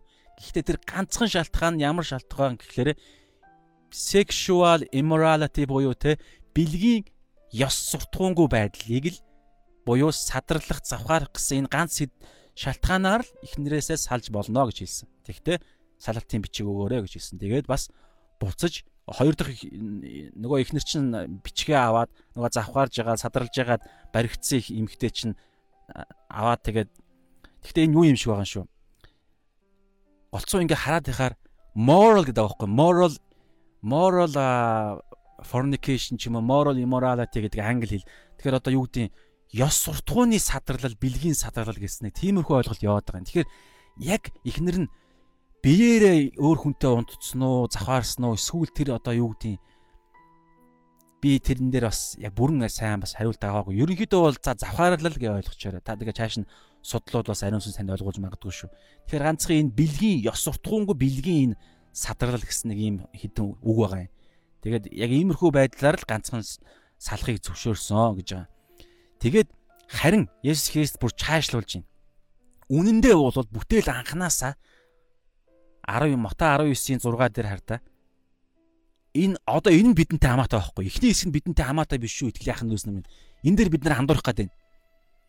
Өнөөдөр ч юм уу чуулгантай одоо шинэ гэрээний үед амьдарж байгаа бид нар тэ пасторууд маань ахлагч нар маань ч юм уу тэ бид нар бүгдээрээ хоорондоо библи суулж байгаа бид нар эхнэрээсээ салах шалтгааны тал дээр ярихдаа эхнэр маань одоо жишээ нь би эхнэртэй байлаа гэж бодоход эхнэр маань өөр хүнтэй нууц хамаархтай боллоо гэж бодоход эсвэл би эхнэр маань итгэж хуйлаа бид нар итгэж юм. За тэр эхнэр итгэж гэдэг юм яриад яах вэ те? Би одоо жишээ нь өөр нууц хамрагтай боллоо гэж бодоход эхнэр маань надаас би нууц хамрагтай буюу би завхаарсан учраас садралсан учраас эсвэл би одоо харалта одоо юу гэдэг юм порно үздэг ч юм уу те тийм ёс суртахууны тэр завхаарл садраллыг эхнэр маань барьж авангуутлаа энэ нөхөр маань ингэсэн учраас хуулинд ингэж байгаа штэ Есүс ч гэсэн ингэ заасан штэ гэж хэлээд энийг шалтгаанаа болгож өнөөдөр бид нар итгэлийн амьдралд байгаа итгэгч нар бид нар салалтын шалтгаан бурхны дагуу библийн дагуу салалтын шалтгаан гэж ингэж тайлбарлах юм бол бид нар Есүсийн хэлж байгаа санааг ариун сүнсээр амьдарж байгаа нөгөө нэг энэ фарисеучуд хуулийн багш нараас багш нарын зөвхт байдлаас та нарын зөвхт байдал чи илүү байх ёстой гэдэг энэ зөвхт байдлыг өнөөдөр Матай 5-ын 31-ээс 32 бас Матай 19-ийн 1-ээс 9-ийг бид нар ойлгоогүй юм байна гэсэн үг шахын дүүсэн минь. Есүс энийг хэлээгүй. Одоо энэ эхнийх нь тэр садрал самуун гэдэг ганцхан шалтгаанаар салж болно гэдэг нь хуучин гэрээний хууль тэгээ хүн төрлөختний зүрхний хатуугаас болж өгсөн зөвшөөрөл чинь фарисеучудад өгөгдсөн зөвхт байдал байхгүй юу? Фарисеучуд хуулийн багш нарт л өгөгдсөн зөвхт байдал. Есүс тэгвэл Матай 5:20 дээр юу гэсэн? Та нар гэдэг байгаа ш. Та нарын зөвхт байдал энэ хуулийн Мосегоор өгөгдсөн энэ зөвхт байдлаас илүү байх ёстой гэж хэлээд байгаа ш. Илүү байх ёстой. Тэр илүү байдал нь юу юм? Матай 19:9 дээр хэлж штэ. 6 дээр. Энэ биднэрт хамаатай шүү. Өнөөдөр итгэгч бид нар шинэ гэрээнд амьдарж байгаа нэгүслийн цаг үед ариун сүнсээр амьдардаг, ариун сүнсээр алхахыг явж байгаа биднэрт энэ л хамаатай. Тиймд тэд цаашид хоёр бус нэг бах бод юм аа. Иймээс бурхны хамттан нийлүүлсэнийг хинч бүү салгагаа гэж айлдав. За ийм зүйл ярьж байгаа. За тэгтээ яг хоо тэ орчин үед а бас яг кейсүүдийг би бас сайн мэдэхгүй байна. Би өөрөө хин нэг би пастор биш. Тэгээд би өөрөө ч хардаа би гэр бүлгүй яг гэрлж үзээгүй. Тэгээ би хин нэгнийг хончилж үзээгүй, зөвлөгөө өгж үзээгүй шүү. Гэтэ би яг одоо бол юу ярьж байна вэ гэхээр яг энэ бичээсийг л би зүгээр эхлээд яг цэврээр нь ойлгоод л байн хэлж байгаачлан би зүрхэндээ тэгээд явах хүсэж байна. Эзэн ариун сүнс дахиад хэрэгцээтэй цагт нь тайлбарлах байх гэж найдаж байна. Аа яг талбар дээр аа салах гэдэг энэ ойлголтын дээр юу дахиад өөр ойлголтууд гарч ирэх магадaltaй би сайн мэдэхгүй байна. Гэхдээ яг анхны бурхны анхны тэр Гэхдээ одоо хараа өнөөдөр чинь бид нар ямар нийгэмд амьдарч байгаа вэ? Анхны нийгэм өөрчлөгдсөн шүү дээ. Унж байгаа, сүрж байгаа дэлхий дээр амьдарч байгаа бид нар. Гэрлэлт анх гэр бүл бий болж байгаа тэр гэрлэлт чи өөрөө яг анхны тэр төгс гэрлэлт гэрлэлтийн дагуу бий болохоо болсон шүү дээ. Бүх зүйл ингэж өөрчлөгдсөн. Зүгээр хамт амьд хамтран амьдрагч нарч байна. Тэгээд гэрлэлтээ бид нар тангараг гэрлэлтийн тангараг өргөхдөө энэ энэ энэ анхны энэ бурхны дагуух энэ төгс ойлголтыг ойлгоод бид нар гэрлэлтийн гэрээг бид нар байгуулдаг ойлголт Монгол байдаг ч юм уу гүү ч юм уу. Тэгэхээр ийм байдал донд одоо яг энэний дагуу а энэ анханасаа энэ тэр мах 92 нэг болсон. Тэгэхээр энийг хинч салгаж болохгүй гэдэг энэ ойлголтыг бол яаж үзэхийг бол би сайн мэдэхгүй байна. Гэхдээ би юу ярьж байна вэ гэхээр үндэст нь тархаас ч өмнө бүр анханасаа хүн төрлөختөнд өгсөн тэр төгс гэрлэлтийг л би өнөөдөр Библийн дагуу яг цэврээр нь судлахыг хүсэж байгаа. Тэгснээр ямар зоригтой юм? Би өнөөдөр гэр бүлтэй их нэртэй болвол тэр анхны төгс байдлыг л би өнөөдөр бий болохыг хүсэн шүү дээ. Яагаад вэ гэхээр эхнэр маань ч гэсэн итгэвч байх хэвээр хэрвээ та эмэгтэй хүн ганц би эмэгтэй хүн бол таны нөхөр ч гэсэн бурхны ард түмэн болсон хүнтэл тасуух ёстой гэж ярьдаг штэ бид нар. Тийм учраас биднэрт хамаатай гэдэг нь энэ шүү. Түүнээсээ яг гэр бүл болцсон болцсны дараа итгэсэн ч юм уу те тэр яг одоо нийгмийн сүрж унж яваа нийгмийн гэр бүлийн тэгээд одоо аль эзийн а одоо юу гэдгийг яг гол гэр бүлийг би болгож чатаагүй гэр бүлийн хувьд энийг ярих уугүй гэдэг дээр би сайн мэдэхгүй байна. Та ариун сүнснээс асуугаарай. Тэгэхээр би яг гоё анхны төгс байдлыг ярьж байгаа шүү. Дамаа би ганц би учраас надад энэ маш хамааралтай байгаа учраас анханасаа бид нар гэр бүлийг байгуулахдаа ийм гоё гэр бүл байгуулъя гэдэг утгаараа ярьж байгаа. За тэгээд тэр анхны гэр бүл дээр юу гэж ярьж ийн Есүс? Хуучин гэрээнд фарисеучүүдийн зөвхт байдал хуулиндаа Мосегийн хуулиндаа ганцхан шалтгаанаар салж болно гэж хэлсэн. Тэр нь садарлал, завхаарл, ёс ёс суртахууны бэлгийн ёс бус байдлыг харин анханасаа одоо биднэрт хамаатай зүйл нь юу вэ гэхлээр ямар ч шалтгаанаар гэсэн санаа шүү. Ямар ч шалтгаанаар салж болохгүй гэдэг энэ зүйлийг анханасаа ярьсан. Бас Есүс ч гэсэн энийг ярьж байна. Есүс ч өөрөө арт түмэндээ дагалдагч нартай хэлж штэ. Хуулийн багш нарт хүртэл хэлж байна. Мосегийн үйл ингэдэж штэ. Тэгэхээр та юу хэлэх юм бэ гэж хэлэх үед Есүс хэлж штэ. Анханасаа юм байгаагүй. Тэр хуулийн чинь зөвхөн та нарын зүрх чинь бузармуу учраас та нарт зориулж л ганц зөвшөөрөл өгсөн. Гэхдээ та нар битгий буруу тайлбарлаад бай. Ганцхан шалтгаан өгсөн тэр нь садарлал гэдэг шалтгаан өгсөн. Гэхдээ уг нь бол анханасаа садарлалын юм бий болсон ч салах ёсгүй гэж хэлсэн байхгүй юу? Тийм тардаа тэг цаашд хоёр бус нэг махбод болсон тул иймээс бурхны хамттан нийлүүлснийг хинч юуч ямар шалтгаан бүү салгагэ гэдэг энэ шалтгаан. Энэ өнөөдөр бидэнд хамаатай. За тэгэхээр чи эн чин дангаараа мэдэж хэрэгжихгүй. Юутай хамт хэрэгжих вэ гэхээр бурхны хамттан нийлүүлсэн гэж байгааз.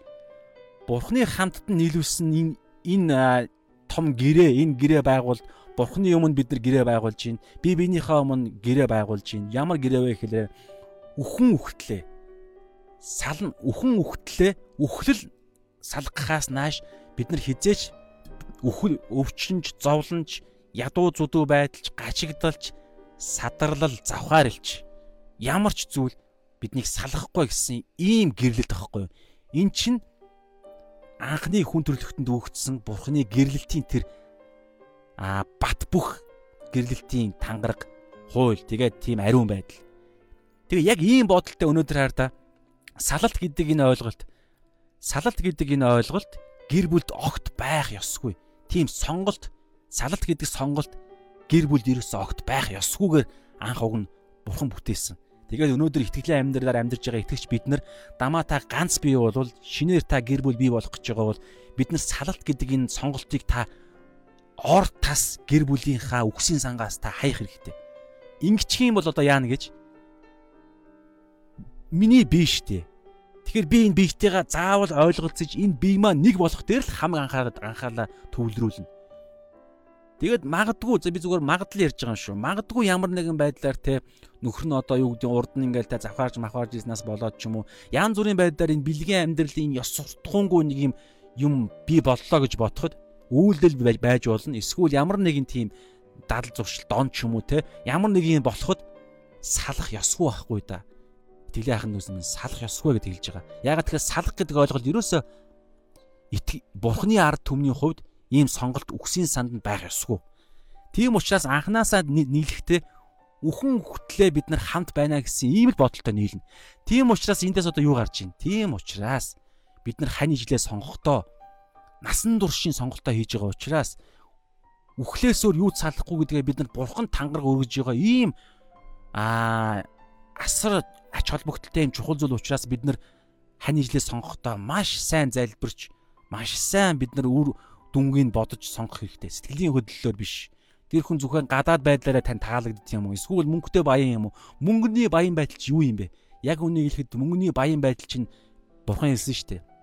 Бидний зүрхийг бурханаас холдуулах асар аюултай сатааны зэвсэг болж ч ашиглагдах магадлалтай зүйлсүүд чинь хамгийн том нь мөнгөний юм ярьж байгаа шүү дээ. Мөнгө ярьдаг, эд хөрөнгө ярьдаг.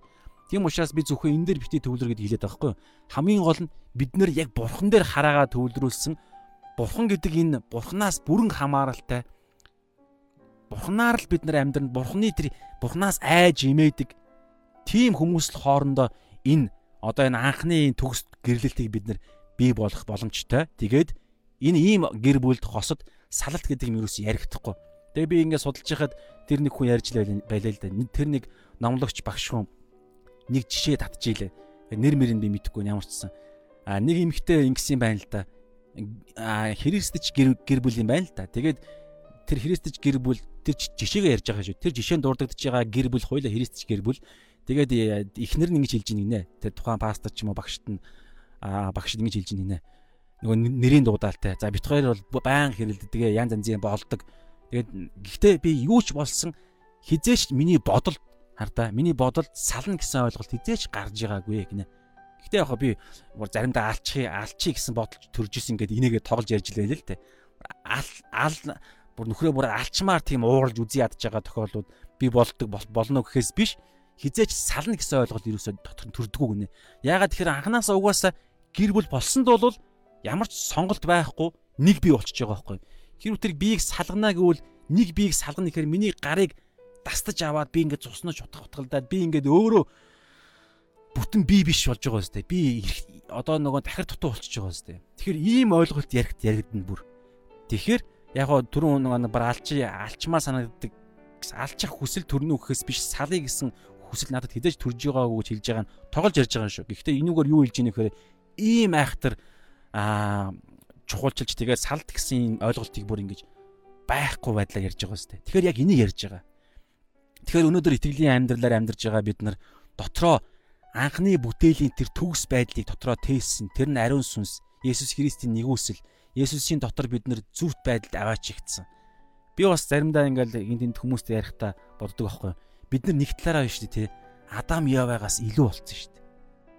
Адам Ева яг оюун ухаанаар бол оюун оюун ухаан уурах тарихаа 100% ашиглаж ирсэн нь үнэ. Ямар ч гин байгаагүй нь үнэ. Гэхдээ тэд яасан бilé? Алдаа гаргасан шүү дээ. Алдаа гаргасан. Сайн мөг мэдхийн тулд тэгээ бурхны тэр нэг хуулийг бурхны зүрхний хүслийг нь зөрчөөд алдаа гаргасан. Тэгээд үхэл бий болсон. Өнөөдөр бид нар яавал ямар вүлээ? Мэдээж бид нар дорой бүр хамаагүй дорой боловч нэг талаараа яасан бэ гэхээр бид нар тулаанд ороод нөгөө нь тулаанд ороод сорив шарахтай болоод ингээд хат үтсэн хүн шиг бид нар тэр утгаараа Адамаас талаараа бид нар илүү байхгүй. Яагаад тэгэхээр бид нар төгс Адамын дотор нэгдсэн. Есүсийн дотор нэгдсэн учраас анхны төгс 100% оюун ухаанаа ажилуулдаг байсан Адамаас тэр 100% оюун ухаанаа ажилуулдаг байсан Адамыг бүтээсэн бүтээгч болох үг болсон Есүс нь илүү үсттэй яаж утсан. Бүтээлээс нь бүтээгч нь илүү шүү дээ. Тэгэхээр бид нэр бүтээгчийн дотор оршиж байгаа байхгүй. Гэхдээ бид нар өөрсдийн хүчээр биш шүү.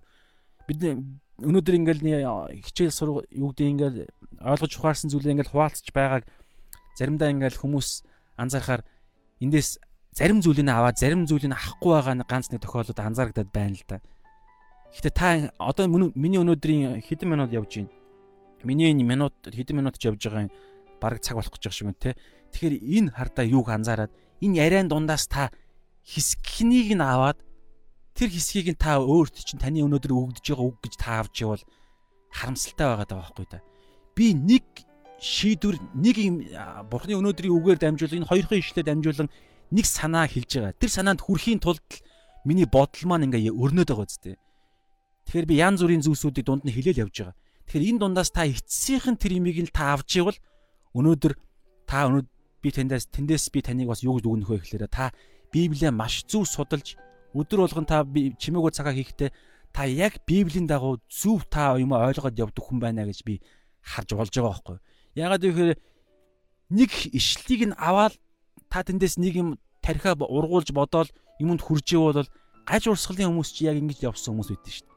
Гэвтэл Есүс яаж байгаа гэхээр Библи чи өөрөө яаж ажилдаг вэ гэхээр хам сэдвтэй буюу өмнөх нөхцөл байдал, хойдох нөхцөл байдал би Матай 5-ын 31 32-ыг уншихдаа Матай 19-ийн 1-ээс 9-тэй хамт ингэж энэ хамт энийг бол хардаа номын хам сэдв гэж хэлдэг. Библийн сургуулиуд тэгэж заадаг. Зохиогчийн хам сэдв гэж хэлнэ. Юу гэхээр Матай гэсэн ном дотроо би шилжиж хийж байгаа сте. Энэ энэ Матай гэсэн номон дотроо гэрлэлт, гэр бүл, салалт гэсэн ойлголтоор өөр Матай хаан дурдсан байна. Тэгээд шин гэрээний хам сэдв бас энэ чи яригдана бас хаардаа сая би дид хуулийг би ч уу энэ Есүс өөрөө дурдсан бас энэ ном маань өөрөө тэр чигээрээ дурдж байгаа энэ Христ итгэлийн энэ судалч ингэж дурдж байгаа дид хууль руу орж байгаа зү. Энэ яагаад орж байгаа юм гэхээр Нэгдүгээрт Матай дээр нь өөр нь дурдсан. Тэрнээс гадна бид нэр альва сэдвийн талаар альва асуултанд хариулт хайхдаа эдгээр хам сэдвүүдээр ингэж хам сэдвүүдийн бэкап буюу дэмжлэгтэйгээр бид нэр асуултаа олох хэрэгтэй байхгүй. Одоо энэ хуучин шинэ гэрээн дээр байгаа энэ салтыг бид нэр өнөөдөр бид нар шинэ гэрээн дээр амьдарч байгаа. Тэгэхээр салтын талаар бид нэр асуулт хайхдаа сэдвийн талаар судлахдаа би бид нар хуучин гэрэл очиж байгаа сте. Эн чин гэрээний хам сэдв гэдэг Библийн хичээл дээр заадаг Библийн сургуулиудад гэрээний хам сэдв. Хуучин гэрээндээ салтын талаар юу бурхан хэлсэн байна гэдгийг гаргаж ирээд шинэ гэрээн дээр юу гэж юм. За тэгэнгүүтлээ номын хам сэдв буюу Мата номон дээр юу гэж юм буюу Мата өнөөдөр 19 1-ээс 9 дээр Тэгээд ингээд гэрээний хам сэдв шин гэрээн дээрээ боيو Есүс Христ өөрөө юу гэдэг юм. Тэгээд ингэж гаргаж ирэхэд ийм ярьж байгаа байхгүй. За хуучин гэрээн дээрээ ингэж хэлсэн. Гэхдээ энэ нь өөрөө хүний зүрх сэтгэлийн хатуугаас болж салж болно гэж хэлсэн. Гэхдээ дахиад хардаа ганцхан шалтгаан хэлсэн. Тэр нь садар самуу ёс бусын бэлгийн завхаарл, ёс бус завхаарл. Гэхдээ гэж яагаад одоо хардаа юр орж байгаа үстэй. Гэрээний хам сэдв. Бүр том бүтээлийн хам сэдв рүү ч орно бүр. Эхлэл ном анх бүтээхдээ ингэж ийсэн гэд Ингэж бид нар энэ том олон ийм зүйлүүдээр бид нар нэг асуултанд хариулт авч байна. Ямар асуулт вэ? Итгэгч бид нар эхнэр нөхөр маань ингээд хоорондоо эхнэр маань одоо юу гэдгийг аа бид нар хоорондоо тохирохгүй салж болох юм уу? Нийгэм монголчууд тэр чигээрээ салж байгаа шүү дээ. Бид нар салж болох юм уу гэхэд бурхан юу гэж хэлж байна? Библи тэр чигээр юу гэж хэлж байна ихлээр салж болохгүй гэж хэлж байгаа байхгүй юу? Бурханы нийлүүлсэнийг гэхдээ бурханы нийлүүлсэнийг гэж л байгаа л да. Аа итгэж болохоос өмнө бид нар Гэхдээ хардаа та энэ дээр сайн судлаарай, ариун сүнсдээ сайн асуугаарай. Бурхны хамгийн бест, хамгийн төгс зорилго нь бол юу гэж хэлж байгаа вэ гэхээр бид нар хамгийн төгсөөр нь явмаар байгаа шүү дээ. Уг нь бол тэгжиж бид нар төгс ивэлийг авмаар байна шүү дээ. Тэр төгс юм нь юу хэлж вэ гэхээр салж болохгүй гэж ярьж байгаа. Яагаад гэвэл гэрлэлт чинь өөрөө гэрлэлт гэдэг энэ ухтгуун чинь өөрөө насан туршдаа үхэн үхтлээ өвчин зовлон үхэл хагцал ядуу зүдүү гэл бүх зүйлийн зүйл ерөөсөө шалтгаан болохгүйгээр үхэн ганцхан үх үхлэл биднийг салгана. Мөнхөн улсад гэрлэлт байхгүй гэж Есүс хэлсэн шүү дээ. Тэнд гэрлэх шаардлага байхгүй. Бид нар бүгдээрээ нэг бий болж байгаа байхгүй мөнхөн улсад. Амар гоё юм болно. Гэтэ энэ дэлхий дээр болохоор эхнэр маань л нөхөр маань л зөвхөн тэр гэрлсэн тэр нэг л бит хоёр нэг бий болчихж байгаа. Тэм учраас та нэг ойлгоорой. Тэгэд яагаад ингэж ийм анханасаа ийм аа нэг хүнд насан туршийн нэг хүн л өгдөхөөр ингэж ярьсан бэ гэхээр эн чинь хүчрхэг нийгмийг бий болгож байгаа байхгүй. Бурхан дэлхий дээр эхлэл 1-ийн 28 дээр та нар өсөн нэмэгдэж өнөр утхан болгоод газар дэлхийг эзэмшээд үржин олшир гэж байгаа. Нэг гэр бүл танд жилж те. Тэгээ газар дэлхийг захираа гэд мал адгуусыг энэ газар дэлхийг энэ асар том имийг захирч баг бурхны өмнө төлөөлөгч нар энэ дэлхий дээр та нар баг бурхад болж байгаа сте. Гэхдээ бурхныхаа хараан дор байгаа бурхад шүү. Бурхад гэдэг жоохон хэтрүүлсэн хэллэг ярьж те. Тэгэхээр ийм байхын тулд юу хамгийн чухал вэ гэхээр гэр бүл буюу нэг бие байхгүй юу? Нэг бие чинь өөрөө мундаг ээж тэр бие чинь өөрөө энэ дэлхийгээ захирна. Тэгээ тэр биеэс дараагийн үржилтүүд бий болно. Үржин олширж байгаа үр хүүхдүүд нь өөрөө бас яг тийм мундаг бие. Хизээш саллан гэдэг ойлголтгүйгээр гэрэлдэг. Тэгээ бурхны нийлүүлсэн буюу бурхны хараан дор бурхнаас эмээх имээц дор бурхны зорилгын төлөөх гэр бүл гэсэн тэр алсын хараан дор бий болж байгаа. Энэ гэр бүл чинь хүчрэхэг нийгэм. Тэгээд бурхны өмнө хар да. Бурхны өмнө өөр хоорондоо бие биенийхээ өмнө гэрээ байгуулдаг. Энэ гэрээ хизээ бий болох төгсөх боломжтой гэхээр зөвхөн үхэл байхгүй. Тэгэхээр өнөөдрийн хэсэг маань ерөнхийдөө энэ байна. Тэгээд бидний би яг хуу хоёр л надад нэг юм анзаарэгдэж байгаа зүйл нь юу гэхээр нэгдүгээр бурхны тосолгоо бурхны хүслийн дагуух гэр бүл нэгдүгээр байх нь асар чухал байна. Тэгжээж энд юусаа салалт ярихдаггүй. Хардаа тэр үед та ойлгоорой. Тэр үед эхнэр нөхөр хоёрын аль нэг нь завхаарсан юм гарсан ч салалт ярихдаггүй байхгүй юу? Бурхны байгуулсан, Бурхны бий болгосон, Бурханаас айж имэдэг хүмүүс хэлсэн шүү дээ өчигдрийн бүгдээр үтсэн завхаар зүрхэн бий болдог гэд. Тэгээд одоо тэр мэрийг ойлгоогүй те тэр ариун сүнсээрээ алхаж сураагүй итгэгч нар байгаа шүү дээ. Гэхдээ анханасаа тэр хоёр Бурхны дор нэгдсэн. Гэхдээ харамсалтай нь ариун сүнсээрээ алхаж ариун сүнсний тэр хүчээр өөрийн хүчээр биш ариун сүнсний хүчээр завхаарлыг зүрхэндээ тэр бодол төрөхт нь харахт нь яд сураагүй нөхөр нь байлаа гэж бодоход тэгж яагаад нэг алдаа гаргаа завхаарлаар унчлаа гэж бодъё л доо. Тэгсэн ч салах ёсгүй байхгүй. Бурхны байгуулсан эхлэл эхлэл хоёрын 22 дээр байгаа. Тэр хоёр нэг гэр нэг бие юм аа. Бурхны Бурхны нийлүүлсэнийг салгаж болохгүй гэж Матай 19-ийн 6 дээр нь байгаа Есүс хэлсэн.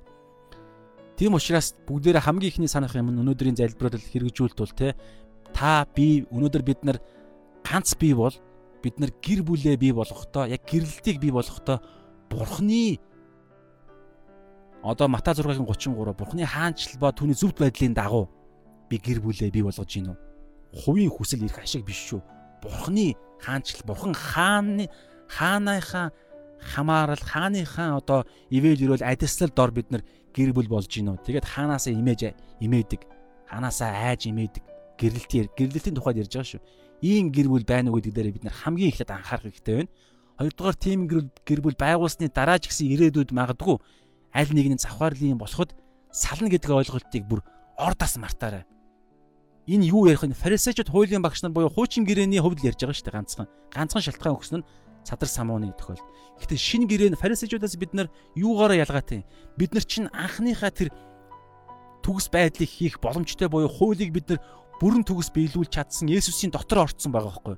Тэгээ Есүсийн сүнсийг тэгээ явж байгаа учраас хэрвээ бид нар ариун сүнсээрээ үргэлжлүүлэн амьдрахын амьдралаар амьдрсаар байх юм бол энд л бид нар суралцах хэрэгтэй. Хамгийн гол Тэр өнөөдөр өнөөдөр бүгдээрээ хэрэгжүүлэлтний 3 хэрэгжүүлэлт гаргая л да. Нэгдүгээрт нь хардаа аа Бурхны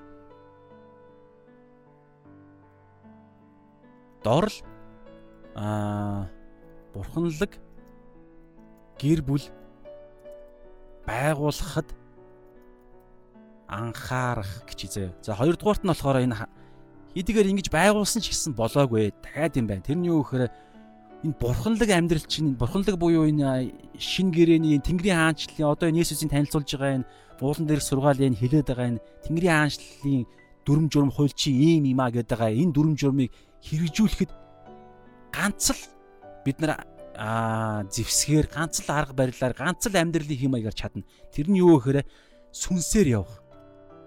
Тэм учраас бурхны бурханлаг гэр бүл байгуулсан ч гэсэн тэр гэр бүлийн чинь гişүүд нь өөрсдөө аа сүнсээр алхадаг байсан цагт боломжтой байгаа байхгүй. Сүнсээр бүх зүйл дээр алхаж алхахад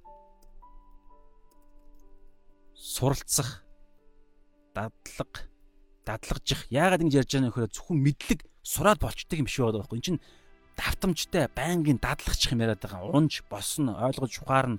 Ингээд эн чинь ингээд бөө юм болно. Тэгээ энэ дунд танд заримдаа хэцүү үе муу гарна. Энийг та бити яагаар ахын дүүснэ мэнэ. Би үнэхээр чухал юм байна. Энд маш чухал нэг юм хэлэх гэж байгаа нь анзаардаг байхгүй юу? Бурханд итгээд итгэлийн амьдрал төгс болчих юм шиг та ойлгоод байгаа байхгүй юу? Мөнхөн улсд очиод төгс болно. Энэ дэлхий дээр төгс болохгүй. Энэ дэлхий дээр чинь бид нар тулаан дунд байна. Тэгээ энэ тулаан дунд биднэрт гоё зевсэг өгөөд нь шүү дээ. Тэр нь ариун сүнсийг өгч юм. Тэгээ ариун сүнсээрээ бид нар амьдрна. Гэхдээ ариун сүнсээрээ амьдрахтаа бид үргэлжлүүлэн тулаандаа явна шүү дээ. Үргэлжлүүлэн асуудалтай нүүр тулна. Үргэлжлүүлэн бид нар руу дайралт хийн. Зарим нэг галт сунууд нь бидний биеийг онно. Бид шархтана. Гэхдээ бид нар тэндээсээ ариун сүнсээрээ суралцаад явна. Тэгээ энэ Есүс итгээд амьдрал төгс болно. Гинт сайжирна гэдэг та энэ ойлголт чинь биднийг унгаан ахын дүнсэр минь амьдрал сайжирна. Гэхдээ хаанаас вэ гэхээр зүрхнээс эхэлж алгуурхнаа бид нар нүүр маань гэрэлтэж эхэлнэ. Улам илүү гоё болж эхэлнэ. Нөгөө хүлээс үд чинь нэг нэгээрээ тайлагдж эхэлнэ. Тэгээ энэ ямар ямар зоригтой вэ гэхээр бид нар ингэж тайлагдж байх хугацаанд энэ ухаарлаа бид нар үр хүүхдүүдэд заахын тулд байхгүй юу? Зүгээр бэрд шиг бэрд бэрд шиг тэнгэрээс шууд бид нар төгс бэлгийг аваад ингээд суучих юм бол үр хүүхдүүдэд бид нар юу заах вэ? Бурханд итгэх юм бол зүгээр шууд бүх зүйл чинь бий болно гэж заахад Тэгвэл энд чинь бодит байдал нийцэхгүй шүү дээ. Дэлхий дээр унж байгаа дэлхий дээр амьдарч байна. Тулаан донд өрнөж байгаа зөндөө юм бий болно. Тэгэхээр хоёр дахь хэрэгжүүлэлт юм. Гурав дахь нь яг над над нэг бодогдоод мэдрэгдэл байгаа зүйл нь юу вэ гэхээр аа би яг нэг ийм хэллэгээр та бүгд маань зөв ойлгосоо гэж хүсэж байна. Бурханлаг бус гэр бүл бурханлаг бурханлаг бус гэр Тэгээ гэр бүлийн хувьд яах вэ гэсэн нэг асуулт одоо зүгээр надад байна. Яг одоогийн байдлаар. Тэгэхээр бидний чимээгөө цагтаа энэ хүү юу маань та анзарж байгаа бол яг шууд дамжуулж байгаа гэдэг утгаараа энд хариулт олох хэрэгтэй байна. Тэгэхээр та мэдж байгаа зүйл байвал та бичээрэй. Тэгээ энийг бурхнаас асууя. Энэ ямар хүмүүст хамаатай гэхээр над бол хамаагүй гэж би хэлнэ. Яагаад вэ гэхээр би ганц би ганц би байгаа хүмүүст энэ хамаагүй байгаасаа гэж би хүсэж байна. Яагаад вэ гэхээр хэрв та ганц би ч гэсэн Есүс цуглаанд явдаг ч гэсэн та үл итгэгч хүнтэй суухад бэлэн тим ойлголттой тэгээд тим хүнтэй найзлаад явж ивэл энэ танд хамаатай болж хувирна л да. Яагаад тэгэхээр таны нөхөр чинь итгэгч биш болчихгоо биш байж таарах юм бол эсвэл таны эхнэр чинь итгэгч биш байж таарах юм бол энэ асуултанд та хариулах хэрэгтэй болно гэсэн үг шүү дээ. Бурханлаг бус гэр бүл бараг бий болж гин гэсэн үг. Яагаад вэ гэхээр гэтээ энийг та зөв ойлгоорой гэдэг байгаа шүү дээ. Энийг та зөв ойлгоорой. Би бас буруу илэрхийлсэн байж магадгүй шүү.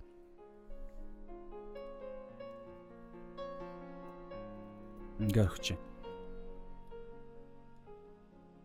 Тэгэхээр энэ дээр хариултаар яг гэхдээ одоогийн байдлаар надад яг ямар мэдрэмж байгаа вэ гэхлээр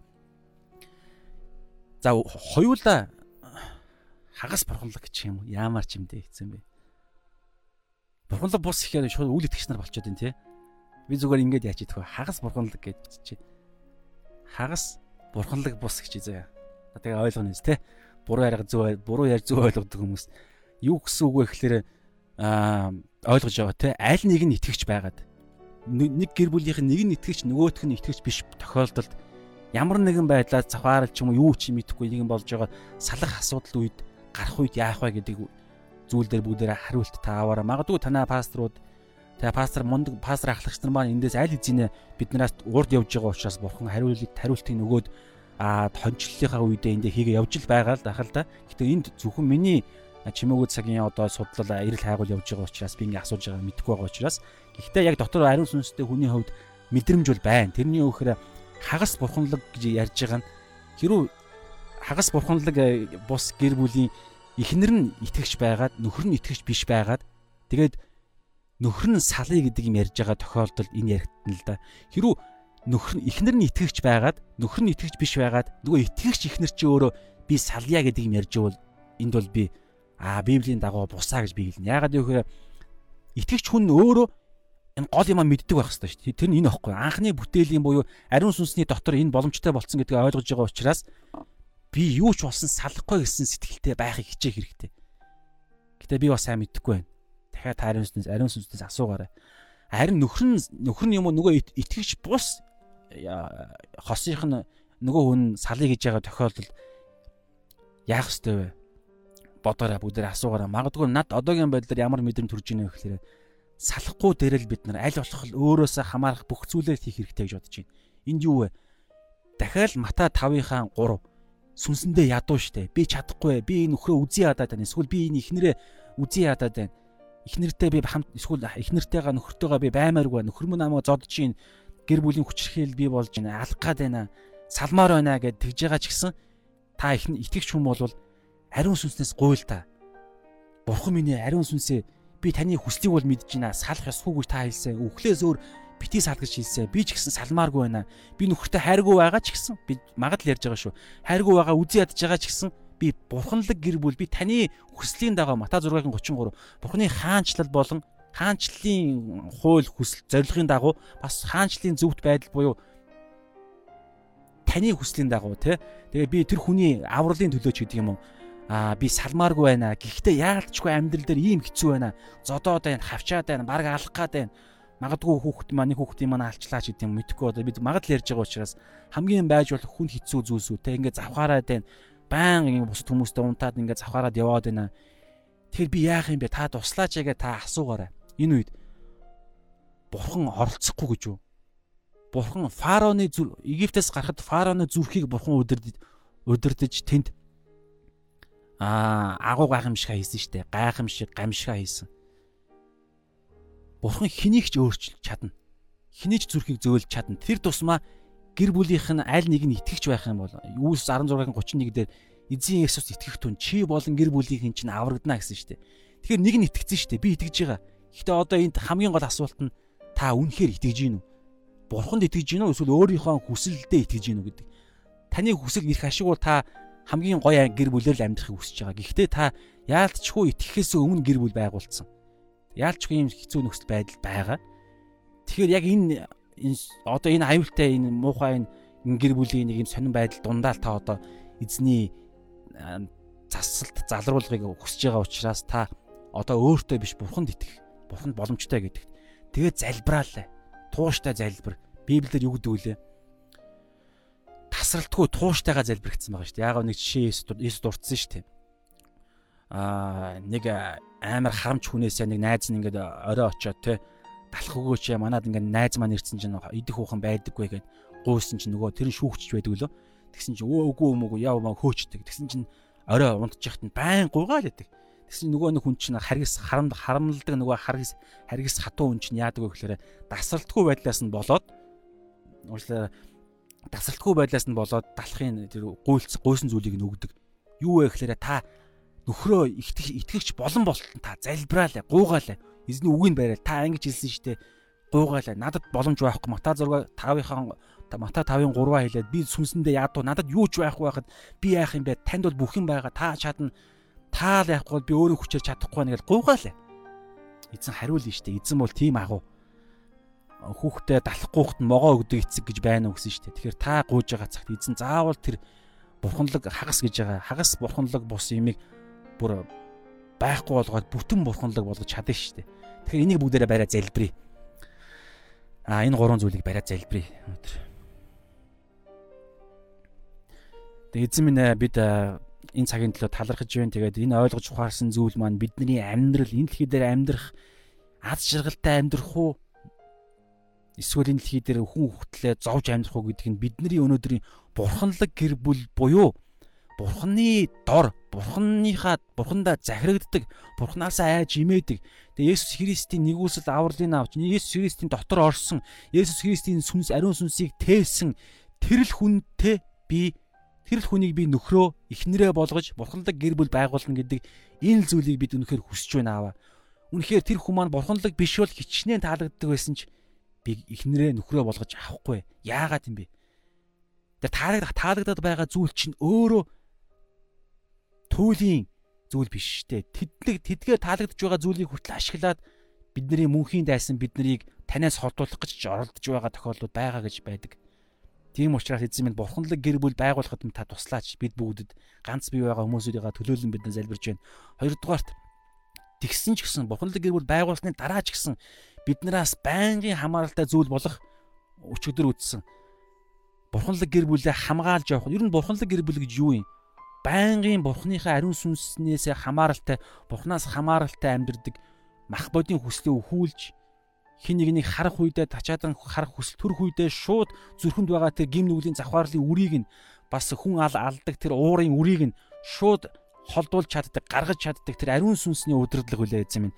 Тиймээс үргэлжлүүлэн ийм амьдралаар амьдрахад одоо манай итгэлийн ахын дүүс нар маань бурханлаг гэр бүл байгуулсан олон итгэлийн дүүнер найз нар байгаа.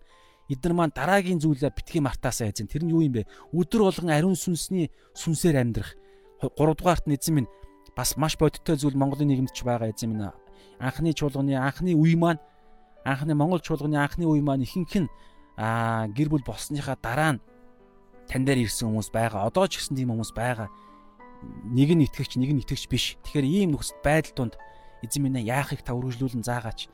Одоогийн байдлаар сая би ойлгосноор бол бид нар эзэн минь өөрсдөөсөө шалтгааллах бүх зүйлээ хийлээд тэр төгс гэр бүлийн төлөө юу ч болсон салахгүйгээд энэ зориулалт зориулалт нь өөрөө тэр хайр гэдгийг эзэн минь бид ойлгоод тэгээд энэ хайр нь явандаа бүр үл итгэгч хань ижлийн маань мөнхийн авралын төлөө хүртэл яригдах учраас бид нар эцсээ хүртэл дасралтгүйгээр тууштайгаар залбирсаар байхад та биднийг та итгэлийг өгөөч. Өөртөө биш, өөрийнх нь чадвардаа биш, мэдрэмжэндээ биш, таны үгэнд итгээд та бүх зүйл таны хувьд боломжтой гэсэн итгэлээр бид нар амьдрахыг хүсэж байна. Тэгээ энэ зүйл гурван зүйлийг эзэн минь та амьдралд минь заавал хийгээч. Бид ямар нэгэн тийм үзүүлэн энд хийгээгүй ямар нэгэн өөр их ашигын төлөө бид нар энэ лайв чимээгүй цагийг хийгээгүй. Энэ гурван зүйлийг л бид хүсэж байгаа учраас бид нар яг одоо хийж байна.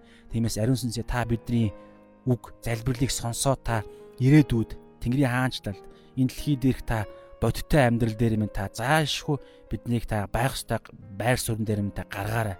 Ивэл ирүүл авах та туслаарай хэмээн Есүсийн нэрээр залбирч байна. Амен. За энэ цагийн төлөө талархаж байна. Тэгээд маргааш уулзалтаа баяртай. Маргааш яг 5 цагаас эхэлнэ. Өнөөдөр аа бас нэг ажил гарсан учраас жоо наан эхэлж таарлаа. Тэгээд эцэст нь дахиж хэлэхэд би ямар нэгэн пастор биш шүү. Би хин нэгэн хүнийг хонжилж яваагүй. Тэгээ хин нэг тийм над яг тийм пастрын тослогоо, хончлын тослогоо тэгээ албан ёсоор өгөгдсөн юм байхгүй. Тийм учраас би бол одоо яг ариун сүнстэй хүнийхээ хувьд л яг өөрийнхөө төлөө эдгээр библиудыг ингээд судлаад яв судлаад явж байгаа. Үүнээс цаадах буюу тэр хончлын мэрэгүү ухаан, хончлын тослогоо тэдгээр зүйлсүүд нь таны паструуд хонч хончид дээр чинь байгаа шүү. Энэ бол зөвхөн энэ бичээсийн талаарх л цаг учраас та эндээс ойлгож ухаарсан зүйл байвал та гол нь дараа дараагийн зүйлсүүд чинь дагалдуулалтын зүйлс чинь таны эсийн ахлагч таны пасторууд дээр чинь жинхэнэ тослогоо байгаа учраас сүнслэг эрх мэдэл нь өгөгдсөн учраас таны үргэлжлүүлэн таны итгэлийн амьдралаар асуулт хариулт үргэлжлүүлээд ингэж явхад чинь яг албан ёсоор бурхны зөвшөөрсөн тэр чадвар хамаагүй шүү. Бурхны тослогоо яриад байна. Тэдгээр хүмүүсүүдийн дээр байгаа шүү. Тийм учраас та үргэлжлүүлэн та дараа дараагийн асуулттай хэцүү зүйл ойлгохгүй зүйл байвал та тийшээгээ пасторуудуугаа ахлагч нар руугаа эсийн ахлагч нар руугаа та мессеж бичээрэй хандаарай. Энд бол зөвхөн энэ тексттэй холбогдлолтой л нэг хүний яг тантай адилхан нэг хүний л чимээгүй цагийн хэсэг юм байгаа юм шүү. Тэгэхээр авхаа аваад гээх зүйл байвал та ариун сүнсээрээ өөрөө ялгах салах ухаанаа гээгээ яваарай. Гэхдээ өнөөдрийн хувьд миний зүрхнээс гарч байгаа цэвэр үннээрээ хийгдсэн чимээгүй цаг байгаа юм шүү. За баярлалаа. Шалом дараагийн өдөр хүртэл уулзтлаа түр баяртай. За шалом. Энд баахан зүйл битсэн байл би нэг уншаад хөтхөө чухал зүйл байж магадгүй бас. За эзний нэгүс амар тайван дүүрэн байх болтугай шалом гэсэн шалом. Тийм шүү хэнийг ч өөрчлөх болно. Амен. Энэ ямар гоё үг вэ? Хэнийг ч өөрчлөх болно. Эзэн шүү. За Чулуунбаатар 5 чулуун битсэн байна. Нэг ишил татсан баг шүү. Энийг бүгдээр уншия. Бас эзэн сануулсан ишил байгаа бах тий хэрүү тэр салбал дахин гэрлэхгүй байг библийн ишлэл бололтой. Мата 1-р Коринт 7-гийн 11-ээс 16-г 2004 оны хувилбарыг хэлсэн байна. Ишлэлийг уншсан байна. За би уншиж үг эзний цаг явагдаж байгаа учраас эзэн сануулсан байх. Хэрүү тэр салбал дахин гэрлэхгүй байг эсвэл нөхөртөөгөө эвлэр гэж шүү. Библиэлд хаалтан дотор ингэж байд юм байна. Хэрүү тэр салбал дахин гэрлэхгүй байг. Аа тий санаж байна заавал гэрлэх гэж бити яараа гэсэн санаа. Тэгээ нөхөртөөгөө эсвэл эвлэрэг хардаа салсан нөхөртөөгөө буцаагаад эвлэрэх гэсэн ойлголт ярьж байна те. За Библиэлд Коринтер ингэж байт юм байна. Ямар гоё юм бэ? Эн чинь нөгөө нэг шин гэрээний хам сэдв байхгүй юу? Ингиж ингиж тухайн сэдвийн талаар өөр ишлүүд байна уу гэхэд яг дурдсан байна те. За тэгээ чааш нь уншиж чинь 1-р Коринто 1-р Коринт 7-гийн 11-ээс 16-га чааш нь уншиж чинь нөхөр нь эхнэрээ хөөж болохгүй шинэ гэрээн дээр Паул багш харь үндэстнүүдэд хамаарагдсан харь үндэстнүүдэд дуудагдсан Паул багш ярьж штэ харин бусдад нь хандаж хэрв ах トゥ нарын нэг нь итгэгч биш их нэртэй байгаад ах харин бусдад нь хандаж хэлэхэд за эхлээд ингэсэн штэ нөхөр нь ихнэрээ хөөж болохгүй гэж хэлсэн харин бусдад нь хандаж хэлэхэд хэрв ах トゥ нарын нэг нь итгэгч хүмүүсүүд гэсэн үг шүү дээ. Ах トゥ нарын нэг нь итгэгч биш их нэртэй байгаад тэр эмэгтэй өөртөө амьдрахыг хүсвэл тэр эмэгтэйг бүү орхих гэж байна. За итгэгч би өөрөө итгэгч итгэгч байгаад итгэгч биш эмэгтэй итгэгч биш их нэртэй байгаад итгэгч биш би их нэртэй болцсон байсан юм ба шүү. Итгэгч биш их нэртэй байгаад эмэгтэйдээ гэрлэх яриаг үнтэй аль эзэнэ итгэгч биш их нэртэй байгаад тэр эмэгтэй өөртөө амьдрахыг хүсвэл би намайг итгэгч гэдгийг мэдсэн ч гэсэн үл итгэгч ихнэр маань ихнэр маань шүү. Эмэгтэй сүйт залуу найз охин яриаггүй. Үл итгэгч ихнэр маань надтай амьдрахыг хүсвэл тэр эмэгтэйг бүү орхоо. Итгэж биш байна уу мөн байна уу хамаагүй салах юм биш байгаад шалтгаан бүү орхоо. Эзэн биш гэж эзэн биш би хэлдэгэ. Гэтэ энийг хүртэл харалтаа түр Есүс хэлсэн шүү дээ. Эзний нийлүүлснийг би битгий салгаа гэж. За. Гэтэ Паул ингэж даруусч чинь те. Бурхан ариун сүнс Паулаар дамжуулж хэлж байгаа. За, хэрвээ эмэгтэй нь итгэгч биш нөхөртөө байгаад за одоо эмэгтэй хүний хувьд ярьж байна итгэгч эмэгтэй хүний хувьд итгэгч эмэгтэй эмэгтэй нь итгэгч биш нөхөртэй байгаад нөхөр нь өөртөө амьдрахыг хүсвэл нөхрөө бүү орох яг адилхан хоёр талаас ярьж байна те. Учир нь үл итгэгч нөхөр нь үл итгэгч нөхөр нь итгэгч эхнэрээрээ ариусгагдана гэсэн байна. За ариусгагдана гэдгийг нүг судлах хэрэгтэй бол таарна шүү. Энэ бол миний бодлоор бол аврагдана гэсэн санаа бол биш гэдэг нь Библийн дагуу бол биш гэж бодож байна. Гэхдээ энэ ариусгагдана гэдэг нь бол эхнэрээрээ дамжуулаад тэр ариун байдлын тэр зүйл рүү орох боломжтой тэр гайхалтай найдвар энэ боломжтой гэсэн санаа байгаа болов уу гэж би бодож байна. Цааш нь илүү гой дэлгэрэнгүй судлахад гарч ирэх байх. За үл итгэгч ихнэр нь одоо нөгөө талаасаа үл итгэгч ихэр нь итгэгч нөхрөөрөө гэсэн үг шүү дээ. Аа тий итгэгч нөхрөөрөө ариусгагдсан байна. Нөгөө нэг үүс 16-гийн 31 ярьж байгаа шүү. Эзэн Есүс итгэгтэн чи болон гэрийнхэн чинь аврагдана буюу эхлээд чи итгэж чамаар дамжуулаад гэр бүл чинь аврагдана гэсэн. Гэхдээ яалтчгүй хуухун аврал дээр бол хуухун өөрийнх нь итгэл яригддаг шүү. Тэр хүн өөрөө л итгэсэн байх ёстой. Гэхдээ энэ итгэлийн тэр гайхалтай ариусгалын авралын зүйл рүү орноо орчлоо гэсэн санаагаар ярьж ин Коринт дээр Паул ариусгагдсан байна. Тийм бишсэн бол та нарын хүүхдүүд бузар байх байсан гэж байна. За энэ дээр бас нэг энийг цөмөрө дараа нь судлах байх. Шинэлэг ойлголтууд гарч ирж байна те. Харин одоо тэд ариун ажээ хэрүү үл итгэгч.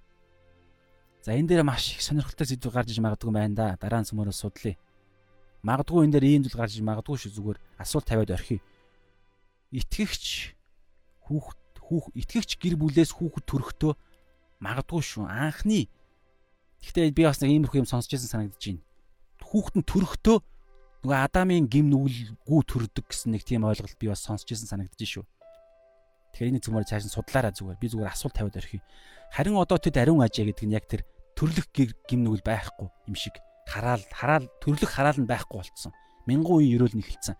Гэхдээ төрлөх зан чанар нь бол байгаа шүү дээ.